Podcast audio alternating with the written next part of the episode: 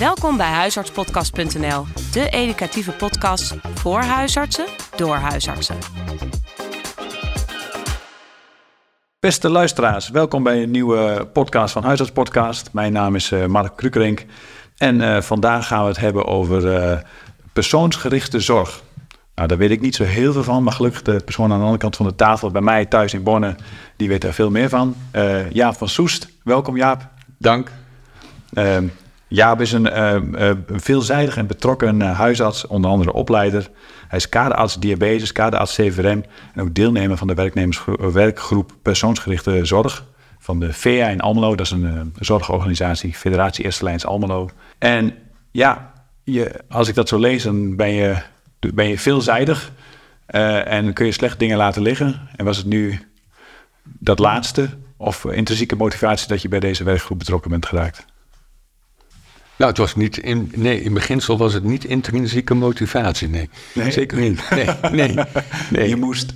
Ik moest, omdat ik kaderarts uh, was. En uh, nou, dat leek me wel handig om dan bij, bij persoonsgerichte zorg, omdat de VA die pakte dat op, hè, het project Pro persoonsgerichte zorg. En ja. daar moest ook een kaderarts bij betrokken zijn. Dus vandaar dat ik betrokken raakte. Okay. Terwijl ik in het begin heel sceptisch en, en, kritisch was, want ik dacht echt, ja, persoonsgerichte zorg, wat is dat nou? Wij doen toch persoonsgerichte zorg als huisarts. Oh, en, mooi. en dat was eigenlijk de mening van 90% van de huisartsen. Die dachten, wat moeten wij met persoonsgerichte zorg? Wij doen het gewoon goed, want wij zijn huisarts. Oké, okay. nou ik hoop dat het gaandeweg, dat, dat voor het interview is wel makkelijk dat gaandeweg je standpunt een beetje veranderd is, anders wordt het een heel kort gesprek, denk ik. Ja, ja, ja. Maar ik denk wel dat je weet, je vertegenwoordigt wat een boel huisartsen wel zeggen van, ja, maar dat doen we toch al. Dus ik ben wel benieuwd om in dit gesprek erachter te komen hoe jouw gedachten daar in de loop van de tijd uh, in veranderd zijn. Ja, nou ja, goed, wat ik zei, ik, ik dacht dat ook. Ik, wij doen toch al persoonsgerichte zorg. Wij zijn toch de arts die juist op het persoonlijke gebied van de mensen zich hè, begeeft en, en tijdens consulten daar ook aandacht voor hebben. Um, dus de huisartsen zetten de hakken in het zand. Ten meer omdat de VEA ook vond dat wij daar een nascholing voor moesten volgen en een project moesten doen. Want dat was natuurlijk met de zorgverzekeraar afgesproken. Dat ja, ja, als je daar geld en tijd voor krijgt, moet er ook iets tegenover staan. En dat moet dan een project zijn. En er moet veel papier weer geschreven worden. En dan moeten nascholingen. Dus iedereen had zoiets van, waar, waar zijn we mee bezig? Dat, dat willen we liever niet. Nou, je weet hem wel te verkopen. Ja, hè? ja. um, dus dat, dat ging toen ook niet. En um, toen is de VEA bijgedraaid, zo van ja, zo moet het niet, want zo gaat het ook niet. Nee. Uh, en toen, toen hebben ze een andere insteek gedaan. En vanaf dat moment was het veel meer uh, een positieve energie die ging lopen. Uh, want toen kwamen we erachter, ja, we, we, we, gaan het niet doen omdat het moet, maar we gaan het doen omdat we dingen anders willen doen, of leuker of beter willen doen. Ja, eigenlijk ook veel meer vanuit de gedachte van de persoonsgerichte zorg, in plaats van dat je mensen oplegt wat ze moeten doen. Ja. We denken, wat, wat, wat hebben die huisartsen nou? Wat willen zij nou eigenlijk? Nou, inderdaad. Hè, wat heeft hulpverlener nodig uh, ja. om, het, om het beter te doen of om het leuker te gaan vinden? Om uiteindelijk te zorgen dat de patiënt het anders gaat doen. Ja. Voordat we de diepte in gaan, wil ik nog iets anders bespreken. Want uh, je, op dit moment ben je ernstig ziek. Ja, klopt. En krijgt daar ook behandeling voor. Klopt. Uh, ja. En ik denk dat, dat, dat een ziekte, een ziekteproces van alles met mensen doet. En, en zeker in het kader van de persoonsgerichte zorg. Ja. Uh, waarin blijkt dat het heel belangrijk is wat je allemaal meeneemt. Dus dit nemen we mee in dit gesprek dat we nu hebben. Um, en ik ben benieuwd, dus ik weet ook nog niet of dit gesprek wat ik nu opneem de edit gaat halen. Dus luisteraars, als u dit hoort, dan wel. Um, ik ben benieuwd of we dat ook kunnen verkennen in, in jouw visie van persoonsgerichte zorg. En wat ook jouw ziekte met die persoonsgerichte zorg, jouw visie daarop heeft gedaan. Uh, ja, ik, ik ben uh, zoals gezegd ongeneeslijk ziek. Ik word palliatief behandeld. Hè. Nou, dat, dan, dat doet wat met je als je dat hoort. Ja. Um, en dat is inmiddels al een jaar. Uh, en dat heeft invloed op, op hoe je hier tegenaan kijkt. En uh, je, je, bent heel bewust van hoe je zelf behandeld wordt als patiënt. Ja. Hè? En dat heeft ook met persoonsgerichte zorg te maken. Het vormt je, maar je ziet ook aan de andere kant eh, voorbeelden van hoe het wel en hoe het niet moet. En die antennes staan nu veel scherper. Ja, het is ook wel een schoonheid dat die antennes nu duidelijker aanstaan in Ja. het proces. Klopt. Klopt. Ehm, ik denk dat we eerst even de, de, eh, dieper in de persoonsgerichte zorg moeten beduiden. Ja. Soort dingen, maar ik zou hier graag nog in het gesprek ook een beetje op terug willen komen. Dus fijn als dat, als dat lukt. Ehm, dan terug naar die persoonsgerichte zorg. Voor mij, ik vind het wel een beetje een containerbegrip. We zijn nu ook met het ISA afgesproken we meer tijd voor de patiënt. Eh, dan heb je positieve gezondheidszorg. Er zijn een heleboel. Ehm, er wordt heel veel genoemd. En ik vind het dat. Het is ook een beetje aan de inflatie onderhevig. Dan wordt er soort. eh, dan alles valt daar een beetje onder. Eh, en dat was ook wel een beetje de aanleiding van de VR, want die hebben ons gevraagd om dit gesprek op te nemen. Om eh, in plaats van een hoog over een mooie gedachte, maar eens te kijken, ja, maar hoe geven we nou inhoud aan dat concept persoonsgerichte zorg? Dus ik ben wel eigenlijk benieuwd, hoe, hoe zie jij dat? eh, eh, wat betekent persoonsgerichte zorg voor jou? Ja, en dat, daar, daar, kom je gelijk bij de moeilijkheid. Wat is persoonsgerichte zorg? Maar wat, wat, hoe vul je dat nou in of wat betekent dat voor jou? Voor mij betekent persoonsgerichte zorg dat iedereen er beter van wordt. En iedereen, dat, dat kan de patiënt zijn, maar dat kan ook de hulpverlener zijn. Het kan ook je team zijn waarmee je samenwerkt. Ehm, en dan gaat het om kleine dingen die je kunt veranderen, waardoor je meer werkplezier hebt, of waardoor de patiënt meer verantwoordelijkheid oppakt, of waardoor het team beter functioneert. Dat valt allemaal, wat mij betreft, over persoonsgerichte zorg. En je- wat is dan, hoe, hoe zijn je uitgangspunten dan anders dan bij eh, wat we dan maar reguliere zorg zouden Ja, dat is moeilijk en dat heb ik ook, ook gezegd toen ik gevraagd werd voor deze podcast.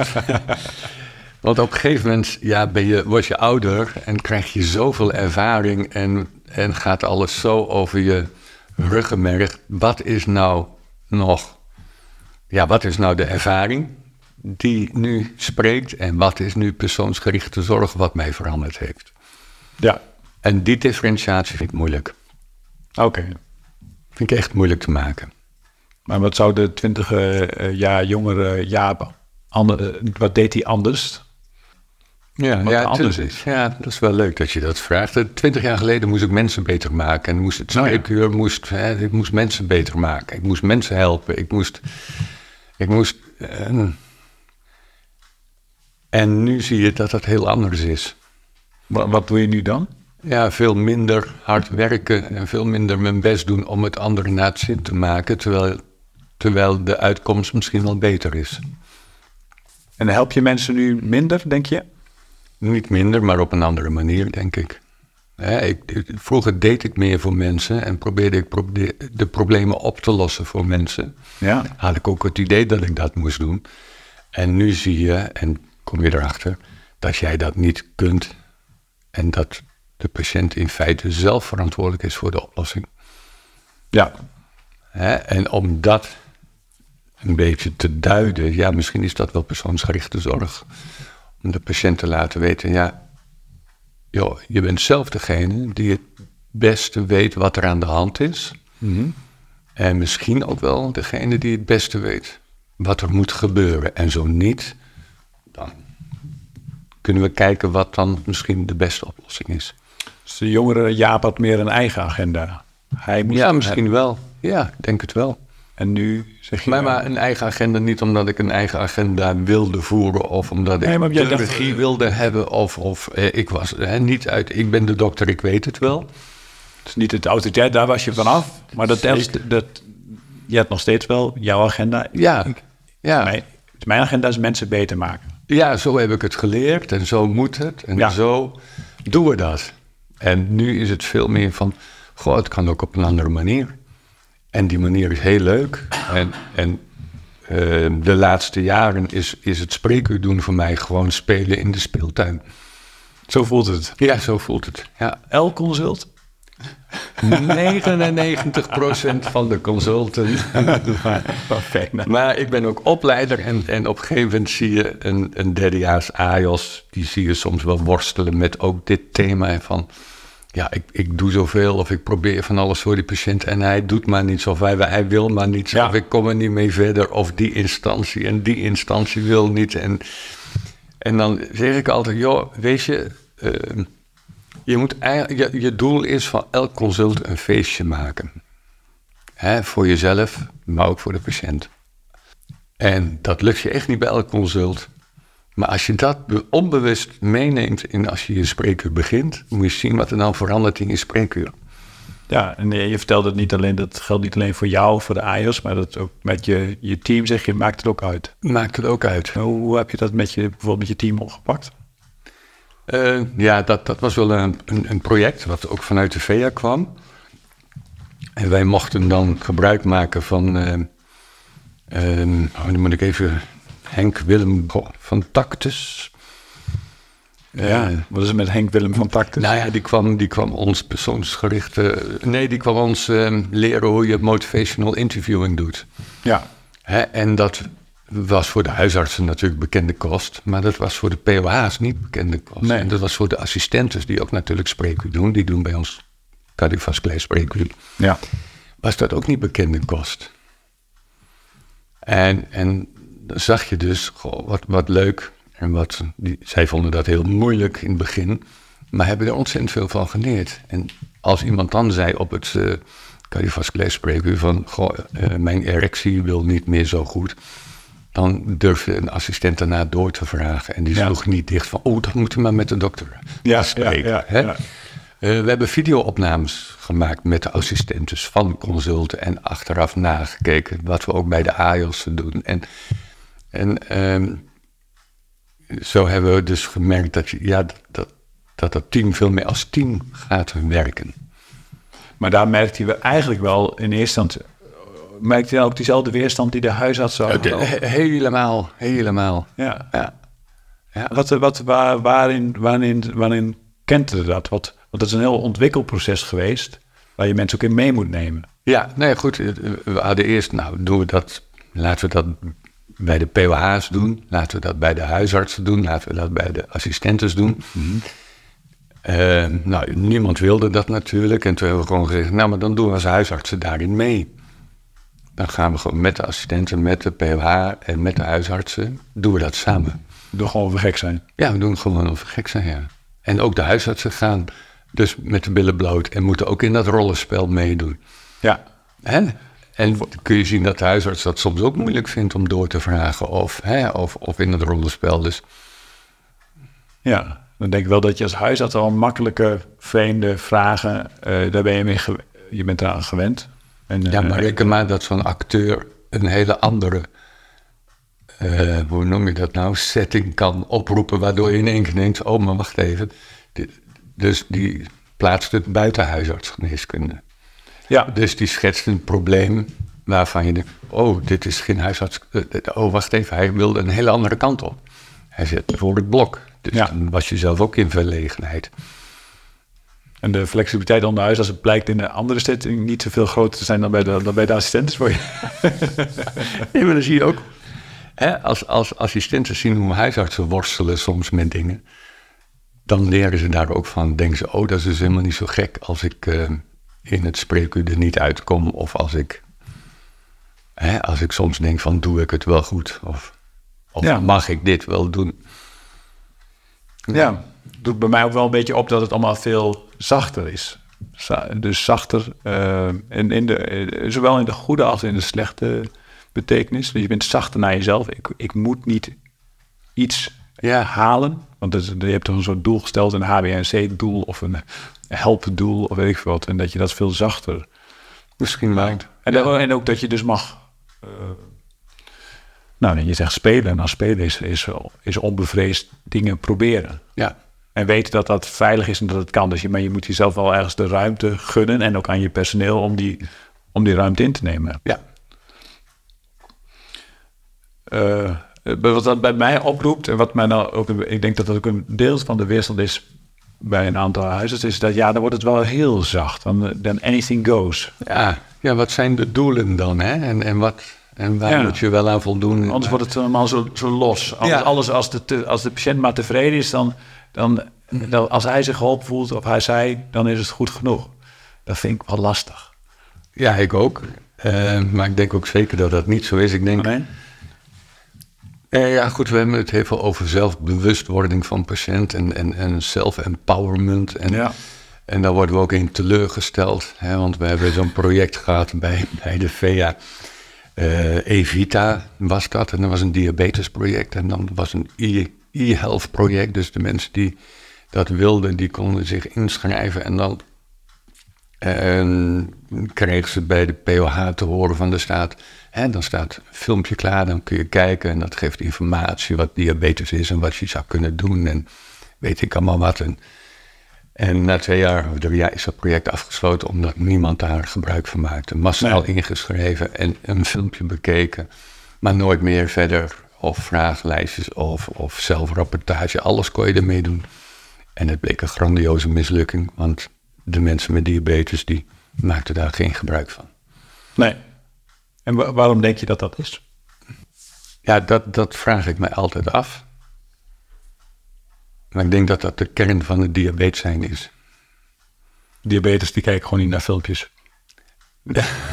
Iemand met diabetes, die legt Ik denk dat ze wel Netflix wel weten te vinden hoor. die legt het heel snel buiten zichzelf. Ik kan er niets aan doen. Mijn familie heeft zware botten. Mijn oma had het ook. Ik eet helemaal niets, dokter. Ik doe 20.000 stappen per dag, dokter. Ja. En ehm, let wel, nou scheer ik Ja, natuurlijk. Hè. Ik chargeer gigantisch. Heerlijk, heerlijk. Heerlijk. Maar ja, ja. En wat je daarmee zegt is, mensen, eh, er is een neiging van mensen met een chronische ziekte om, eh, eh, voor, om wat voor reden dan ook het buiten zichzelf te plaatsen. Ja, en lekker aanleunen tegen de zorg. Precies. Ja. Want dan heb je toch het gevoel dat je, de, de- ja, wat ik aan moet doen bij die dokter verschijnt is genoeg. Maar dat Ja. is eigenlijk, zeg je, ja, dat, dat is zolang er niet het zelfbewustzijn is, dat zij onder- onderdeel zijn van de, van als ze het anders willen hebben, moet zij dat ook doen. Ja. Eh, is het allemaal uh, omzonst. Ja. En dan, en dan is persoonsgerichte zorg niet dat je die patiënt beweegt tot anders denken of anders doen. Maar dan is persoonsgerichte zorg, is er een manier waarop, hè, waarop jij iets kan doen, zodat die patiënt wel wat anders gaat denken of doen. En dan gaat het niet om die patiënt, maar meer om de zorgverlener. hey, kun je iets paradoxaals of iets anders doen? Of dat je, dat je toch iets teweeg brengt. Ja. Ehm, En dat kan heel klein zijn. maar dan de persoonsgerichte, dus dat je dan weer vertrekt vanuit in ieder geval een belang van die patiënt. Ja. Wat zijn de belangen van die patiënt? Die zijn er soms, denk ik niet. Het belang van de patiënt is misschien wel status quo. En we, Maar- we willen die patiënt beter maken, maar is, moeten we dat willen? Ehm, nee, eh, eh, eh, eens. Als de patiënt het niet wil, dan houdt het gewoon op. Ja, en misschien wil die wel, maar kan die niet precies. Hè? Dat, en dat Ja. is denk ik heel vaak het geval. Ja, en daar, maar daar speelt die persoonsgerichte zorg ook op in, om dat juist voor mij juist helder te krijgen. Ja. Want dan ben je ook, ja, dat is ook veel leuker, ook gewoon leuke werken. Want dan degene die wij met de persoonsgerichte aanpak daarachter komt, ja, die wil gewoon niks. Nou, die laat je lekker met rust. Ja, persoon, iedereen blij. En ondertussen heb je dan de mensen die het niet doen, maar wel willen. Daar heb je ook een haakje om het eh, eventueel anders te doen. Ja. Ehm, hoe, hoe heb je bij jou in jouw praktijk of bij jullie in de regio, heb jij dat aangepakt? Ik begrijp dat er flink wat ondersteuning was van de, van de VEA. Ja, er was eh, flink wat ondersteuning van de VEA. En, en wij zijn een grote praktijk. En we zijn altijd wel van de pilots en van alles uitproberen en, Ja. enzovoort. Dus eh, bij ons is ook eigenlijk alles uitgezet bij onze praktijk. Niet alleen bij onze praktijk, hoor, ook bij andere praktijken. Ja. eh, die ook altijd wel in zijn voor ja, nieuwe dingen. Ehm, en we hebben dus ehm, de, de, eh, begeleiding gehad van iemand van Tactus die bij ons kwam. Motiverende gespreksvoering, trainen on the job. Voor de mensen, voor de luisteraars, Tactus is eigenlijk vooral voor verslavingszorg. Ja, maar dat was een, daar zijn hele goede trainers die heel goed jou dan kunnen uitdagen in een rolmodel van... Goh, hoe pak jij dit aan als ik hiermee kom? En dat hoeft helemaal niet op huisartsgeneeskundig gebied te zijn. Want hij wil je juist uitdagen tot... Doe maar eens wat anders dan je gewend bent. Nou, die, die zijn bij ons geweest, maar niet alleen voor de huisartsen... maar ook voor de assistenten en ook voor de POH's. Nou, dat gaf natuurlijk weerstand, want goh, ja... hoe doe je dat in een groep, in een rolmodel? En, en dat vindt iedereen spannend. Dus we hebben als huisarts ook gezegd, daar zijn we gewoon bij. En wij gaan ook met de billen bloot in zo'n rolmodel. En dan zien die assistenten dus ook dat wij daarmee worstelen. En dat het allemaal niet zo spannend is. En dat hebben we gedaan.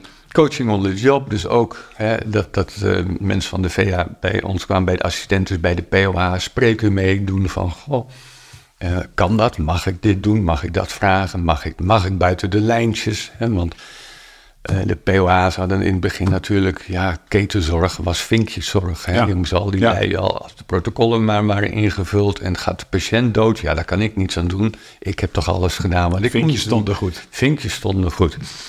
Dus en da daar hebben ze veel aan gehad. Uh, we hebben als praktijk, als grote praktijk, hebben we een patiëntenpanel uh, georganiseerd.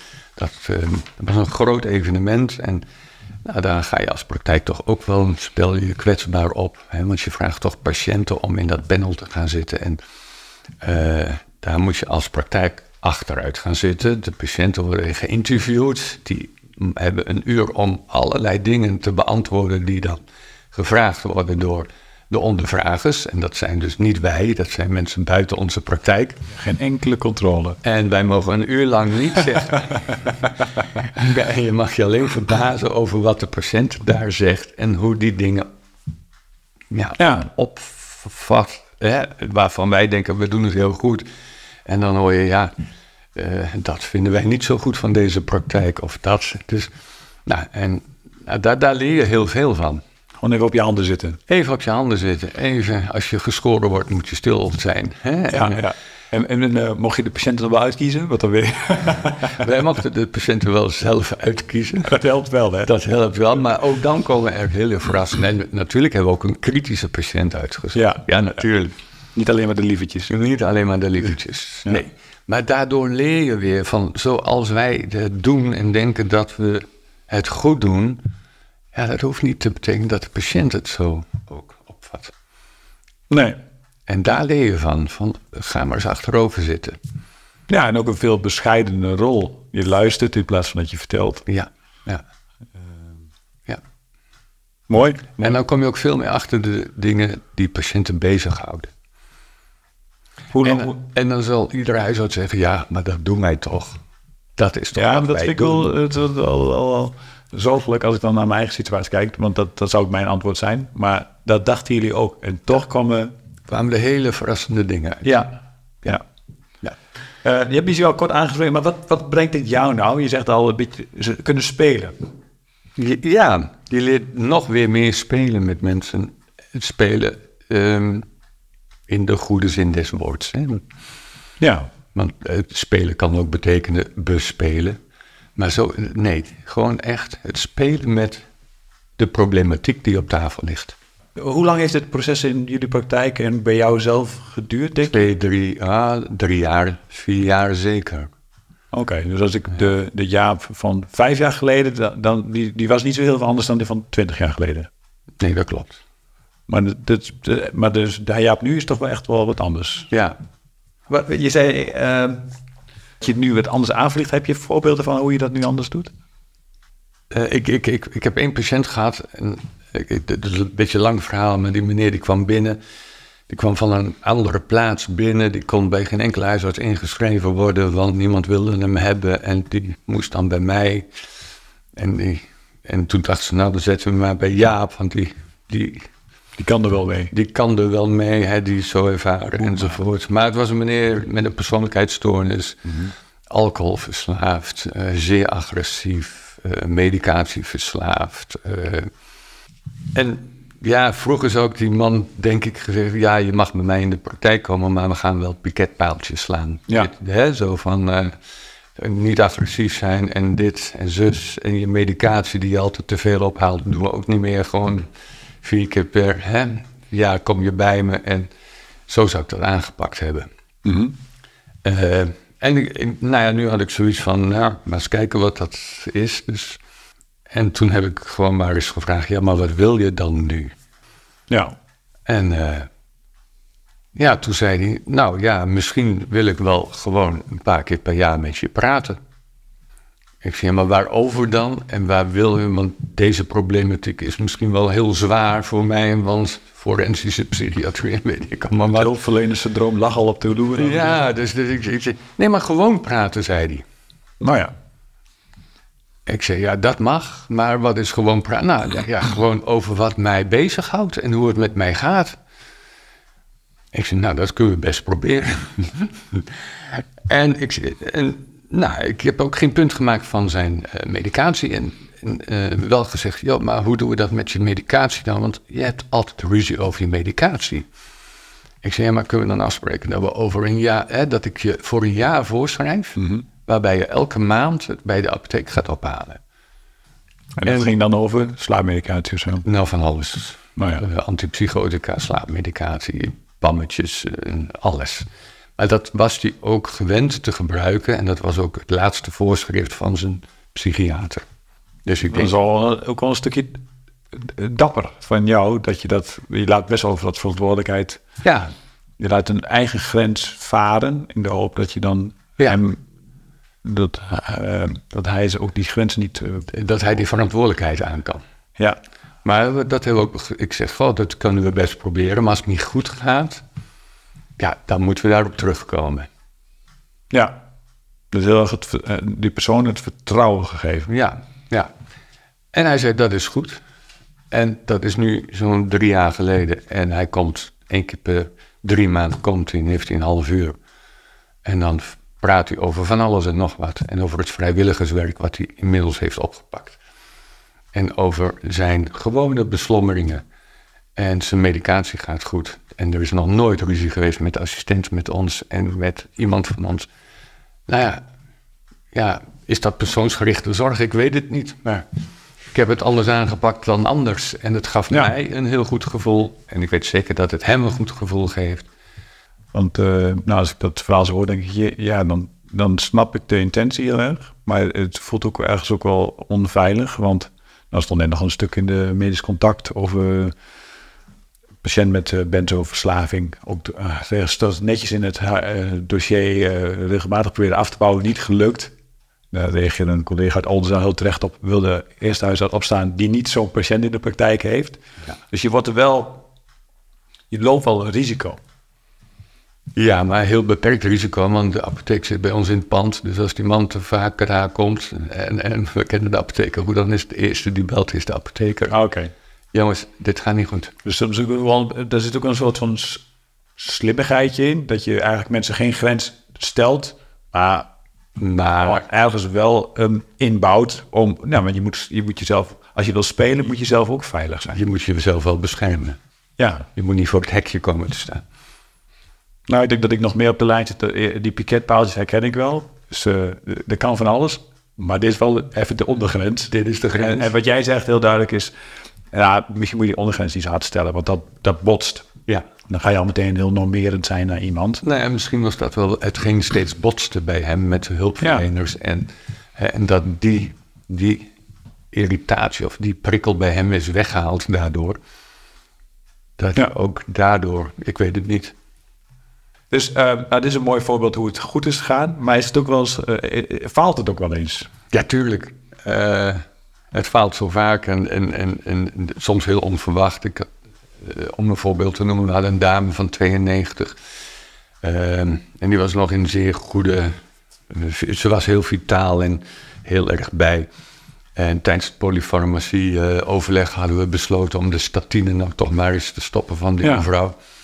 Uh, en, en polyfarmacie is met de apotheken, de POH, de huisarts. En, nou, en, dus uh, toen ze op spreken kwam bij mij, een keer zei ik terloops... Goh, u bent nu 92, de statine, ja. die mogen we nu toch ook wel echt een keer stoppen. Hè? Want dat heeft geen enkele...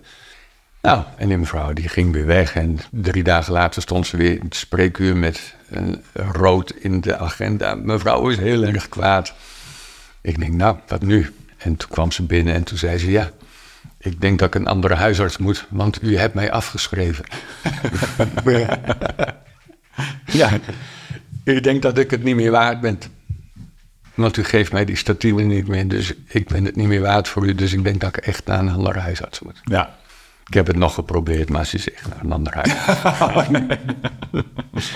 dus ja, het kan ook helemaal fout uit. Ja, ja, dan denk je persoonsgericht.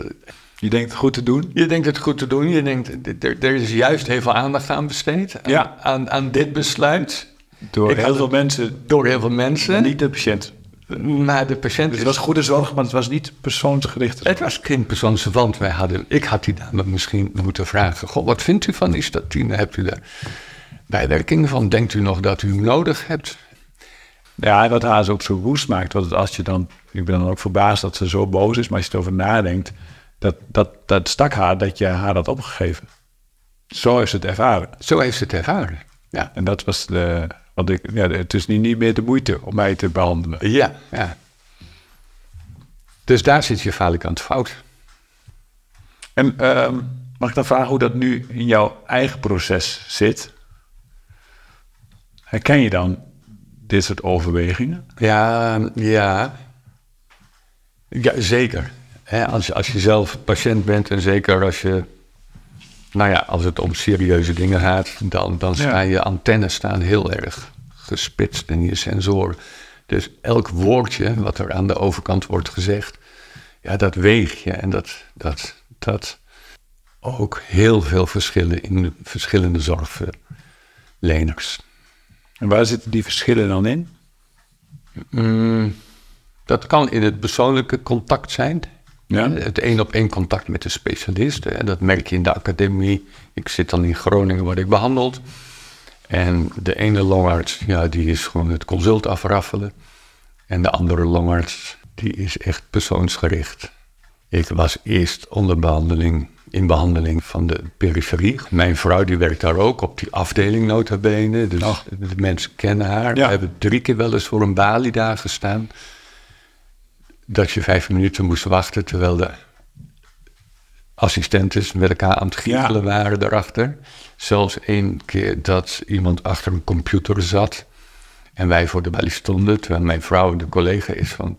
En dat er niet even werd opgekeken van, joh, ik heb je gezien, ik kom zo bij je, ik ben even bezig. Ja. Ehm, ja, dat steekt je enorm.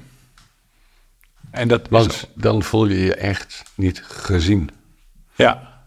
En dat is dan in het eigen bekende ziekenhuis, waar je, jij ook je Je collega's zou eigenlijk, jij zou eigenlijk een pluspatiënt moeten zijn. eh met, Nou, met je dat- vrouw en dat, met je Je zou dat wel willen, maar je weet dat dat niet zo is. Maar ik dacht, ik zou maar een gewone patiënt zijn.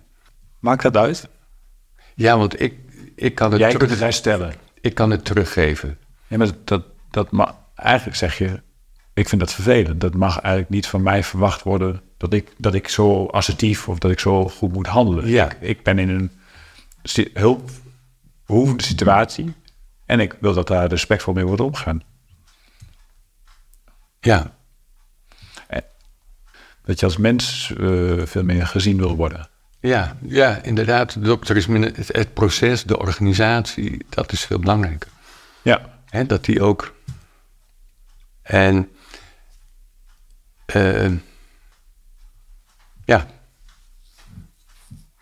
Want dat vertelde je in het voorgesprek. Mhm. Eigenlijk, want je zou zeggen, UMCG, eh, grote club. nou daar hadden we verwacht, daar ben je een nummer.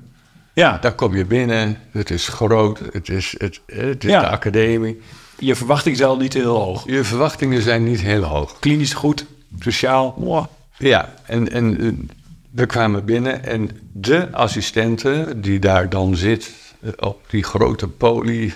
Dus je verwacht daar echt niet dat ze daar jou kennen of, hè, en je bent daar ook niet, want hier ben je toch, ja, toch een beetje bekend. Hè, want Ja. iedereen kent wel de huisarts van Soest, gewoon, want dat is de man van Riet. En, Ja, en la la la. maar Ja. daar ben je helemaal aan Ja. de goden overgeleverd. En je komt daar binnen en de assistente daar die zegt van... bij wie moet u zijn? En ik zeg, ik weet het niet. ik moet het even opzoeken. Laat maar. Wat is uw geboortedatum? Nou, ik zeg mijn geboortedatum. Eh, oh, dan bent u meneer van Soest.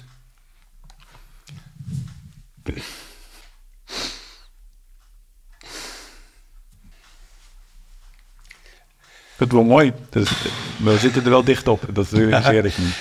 Dus als het te dicht... Dit is persoonsgerichte zorg. Hè? Dit is- eh, wat je wordt emotioneel van het, hoe je in Groningen werd benaderd. Wat was, wat was nou daar het verschil? Was het gewoon het contact? Ja, alsof je bekend was daar. Ja. Eigenlijk ook heel, eigenlijk ook bloody simpel, hè? Het, het, zo simpel kan het zijn. Ja. Maar dat is het gewoon het, het, het, het- letterlijk het contact maken. Dat denk Het ik, contact maar, maar- maken. Maakt helemaal niet uit wie dat was. Of het nou de longarts was of de, de conciërge. Ja, fijn dat je er bent. Ja, dat, nou, dat gevoel. Ja, fijn dat je er bent. Dat Ja. gevoel vanaf het begin dat je daar binnenkwam. Moet het ook niet als uitgangsnummer. Ja, fijn dat je er bent. Dat als, als, als in, dat, dat we dat ook meenemen in ons consult. Dat je, dat je eh, eh, dat elke patiënt die binnenkomt, Ja, nou ja, maar dat is ook fijn dat je er bent. het, het, het feestje maken van elk consult natuurlijk. Ja. Ja, Ja. ja. mooi dat je er bent. Wat kan ik voor je doen? Dus eigenlijk heb je als patiënt hele verschillende ervaringen eh, gehad in hoe de, eh, in het ziekenhuis met jou werd omgegaan. Ja, ja, als je het dan hebt over persoonsgerichte zorg, dan, dan zie je dus dat het niet eh, persoonsgebonden hoeft te zijn. Hè, persoonsgerichte zorg kan ook een organisatie zijn. Ja. En dat heb ik ervaren als patiënt. Goedemorgen, meneer Van Soest. U komt helemaal uit Nijverdal. U hebt anderhalf uur gereisd. Eh, er staat heel wat op het programma vandaag. U moet bij acht verschillende polies, doktoren en alles komen. Onderzoek, CT enzovoort. En ik ga u precies vertellen hoe laat het is en wanneer u waar moet. Maar eh Nijverdal is anderhalf uur. U gaat eerst even een kopje koffie drinken. Ah ja. Oh, mooi. En ik begeleid u in het hele proces Ja. vandaag. Dus gewoon zorg dat je de patiënt ziet. Zorg dat je je patiënt ziet. En dat is natuurlijk altijd zo. Maar de manier waarop, en dat is misschien wel persoonsgerichte zorg. Ja. Soms kan het simpel zo anders. Ja, ja mooi. Wat zou je de, de, de toekomstige generatie huisartsen, behalve dat ze natuurlijk allemaal praktijkhouding moeten worden, wat zou je die willen meegeven? Ja, het Niet helemaal persoonsgericht, zoals dat realiseer ik. Het, het, het ja, het is zo'n one-liner. Het leven is één groot feest, maar je moet wel zelf de slingers ophangen. Ja, Hè, en maak, ja, maak er wat van. Verwacht het niet van een ander, hè, maar probeer zelf. Ja, ik vind dat lastig, maar ik, ik vind de zelfverantwoordelijkheid van veel mensen vind ik soms dat ik denk van ja, je bent wel zelf verantwoordelijk. En dan heb je het over patiënten, maar je hebt het ook over, over AIOS, of over huisarts, over allemaal. Collega's, over, over mezelf, over... Ja, Ja. Ja. Als jij teruglegt bij die patiënt, wil je echt iets met, die, met je gezondheid doen, die leg je ook terug bij de, eh, de AIOS ja. en bij onszelf als huisarts. Ja. Maar als je nou zegt van ja, wat zou je de nieuwe collega's, ja, probeer het vak leuk te houden, want het is zo'n mooi vak. Hè? Is, ik zeg altijd, het huisartsenvak is een hondenbaan, maar de mooiste hondenbaan die ik ken. het is en blijft het mooiste vak volgens mij. Ja. je moet het zien en je moet het ook kunnen. En er ligt wel een verantwoordelijkheid om het, eh, om in ieder geval, zoals we het nu ook doen, er zelf over na te denken. Want als je dat niet doet, dan, dan wordt het ook op een manier ingevuld. Inderdaad. Je hebt nog een paar mooie woorden opgezocht. Ik weet niet of we die nog als besluit erbij moeten doen of dat het... Wer zich nicht ärgert, aber wundert, wird kein acht zich aber honderd. Hè, dat is een uitspraak van hier in de buurt. Verwonder je elke dag, verwonder je elk consult, verwonder je in je leven. Want als je je niet kunt verwonderen, zul je nooit een wonder meemaken. Nou, dat lijkt me een prachtige afsluiting van ons gesprek. Eh ja, hartelijk dank voor je, voor je tijd en, eh, en je inzichten. Mijn naam was eh, Mark de Krink. Eh hoort gewoon. Bedankt voor het luisteren. Bekijk ook onze website op huisartspodcast.nl. Voor vragen of suggesties kun je mailen naar huisartspodcast.gmail.com. Tot de volgende keer.